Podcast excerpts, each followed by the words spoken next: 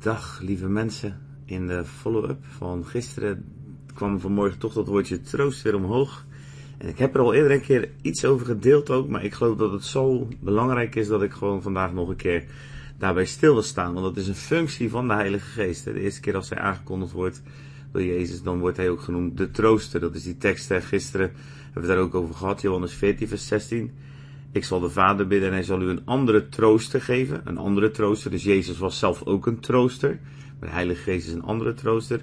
Opdat hij bij u blijft tot in eeuwigheid. Dus we hebben iemand gekregen, een persoon, de Heilige Geest. En dat is een trooster. Dat is iemand die ons troost brengt. En hij blijft bij ons tot in de eeuwigheid. En troost is zo belangrijk. En ook dat is een van de ondergewaardeerde eigenschappen van de Heilige Geest. Een van de ondergewaardeerde functies die de Heilige Geest ook kan hebben in ons leven. Dat is het brengen van troost. En het woordje troost, ja, iedereen heeft daar direct een associatie bij natuurlijk. En dat is uh, maar net hoe je dat meegekregen hebt. Sommige mensen weten heel goed troost te ontvangen. Anderen vinden dat moeilijker. Als je in je jeugd nooit getroost bent. Of als er geen plek was waar je troost kon vinden. Dan uh, kan dat soms heel moeilijk zijn. In, um, in het Hebreeuws het woordje um, nacham. Het woordje nacham zegt eigenlijk heel mooi wat troost is.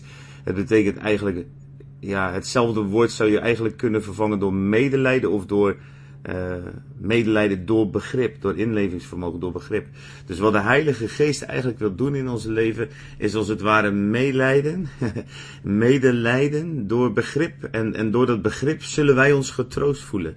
Het troost is een gevoel wat je kan ontvangen. En een getroost hart is in staat om um, verder te gaan op een manier dat er geen pijn achterblijft. En dat is zo essentieel, want het leven kent altijd gebrokenheid. Ieders leven, de een meer, de ander minder. Maar we leven in een enorm gebroken wereld, dus ieder leven kent gebrokenheid. En daarom is het zo belangrijk dat wij de ability, de, de, de, het vermogen ontwikkelen om uh, troost te ontvangen. En het is echt soms reuze moeilijk. Uh, maar de Heilige Geest, Hij is de trooster. Er is geen betere trooster dan Hem. Het is Zijn naam en Hij is ons gegeven als trooster, als parakletos. En dat langs zij zijn, dat eigenlijk ja, uh, begrip hebben voor waar wij doorheen gaan. Dat is wat de Heilige Geest wil doen. Nou, laten we daar gebruik van maken. Uh, in Jesaja 40 is een krachtig hoofdstuk in het Oude Testament. En dat begint ook met troost, troost mijn volk, zal u God zeggen. Jesaja 40 vers 1. En eigenlijk kijkt het naar een volk wat, wat volledig gebroken is, wat leeft in verbrokenheid. En dan zie je door Jezaja 40 heen een opbouw door die troost. En dat is eigenlijk heel profetisch voor het werk van de Heilige Geest. Door die troost en door de Heilige Geest. Jezaja 40 vers 13 bijvoorbeeld zegt, wie heeft de geest van de Heer gepeild? En wie heeft hem als zijn raadsman onderwezen? En dan, dan loopt dat hoofdstuk steeds verder. En dan eindigt dat hoofdstuk zo mooi met jongeren zullen, jongeren zullen moe worden en afgemat worden. Jonge mannen zullen zeker struikelen. Dus ja, er is gebrokenheid in de wereld. Maar wie de Heer verwachten zullen hun kracht vernieuwen. Zullen hun vleugels uitstaan als arenden. Zullen snel lopen en niet afgemat worden. Ze zullen lopen en niet moe worden. En dat heeft alles te maken met troost. Daarom begint dit hoofdstuk ook met troost, troost mijn volk.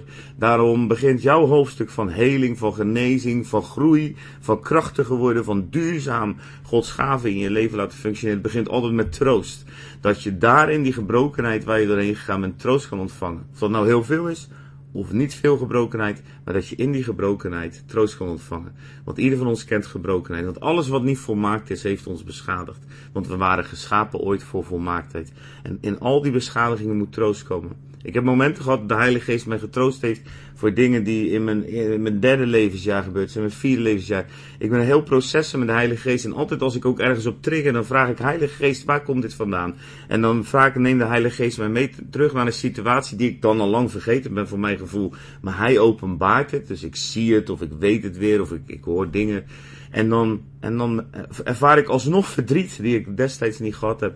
En alsnog troost die ik destijds niet gehad heb. En daarmee verlost de Heilige Geest mij van triggers. En, en dat is zo mooi, dat is het werk van Gods Geest. Troost, troost mijn volk. En daarom staat er dan in Jesaja 40 dat hij de vermoeide kracht geeft aan het eind. Hij vermeerdert de kracht van wie geen kracht heeft. Dat is het werk door troost heen van de Heilige Geest. Dus ontvang hem als het troosten vandaag. En dan mag je, als je hem verwacht, je kracht vernieuwen. En je zal je vleugels uitslaan. En je zal lopen, snel lopen en niet afgemat worden. En lopen en niet moe worden. Ik wil dat over je uitbinden. Vader, ik bid dat dit een dag zal zijn van troost, diepe troost in de dingen.